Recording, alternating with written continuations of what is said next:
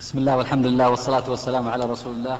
فضيلة الشيخ حفظكم الله في بعض الشركات يعمل الموظف لمدة 12 ساعة مثلا من الساعة السادسة مساء إلى السادسة صباحا فيخرج وهو متعب فينام فيقول لا أستطيع الاستيقاظ والصلاة جماعة في المسجد مع الجماعة. فهل يجوز لي تأخير صلاة الظهر مع العصر؟ وإن كان لا فكيف يجاب على استفسارهم من أن الرسول صلى الله عليه وسلم جمع من غير عذر ولا خوف؟ نعم. جزاكم الله خير أما إذا كان إذا خرج الإنسان متعبا كما قلت وكان لا يستطيع أن يبقى مستيقظا إلى العصر فلا بأس أن يجمع العصر إلى الظهر وينام. وأما قولهم إن الرسول جمع من غير عذر فهذا ليس بصحيح. ما جمع النبي صلى الله عليه وعلى آله وسلم إلا لعذر.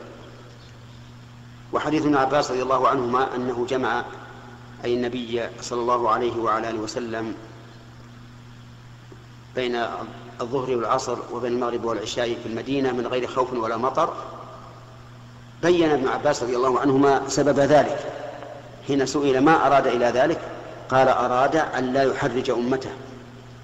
فدل دل هذا على أن الجمع إنما يجوز, إنما يجوز عند المشقة فقط. وما ذكرت من حال هذا الرجل مشقة لا شك فله أن يجمع تقديما أو تأخيرا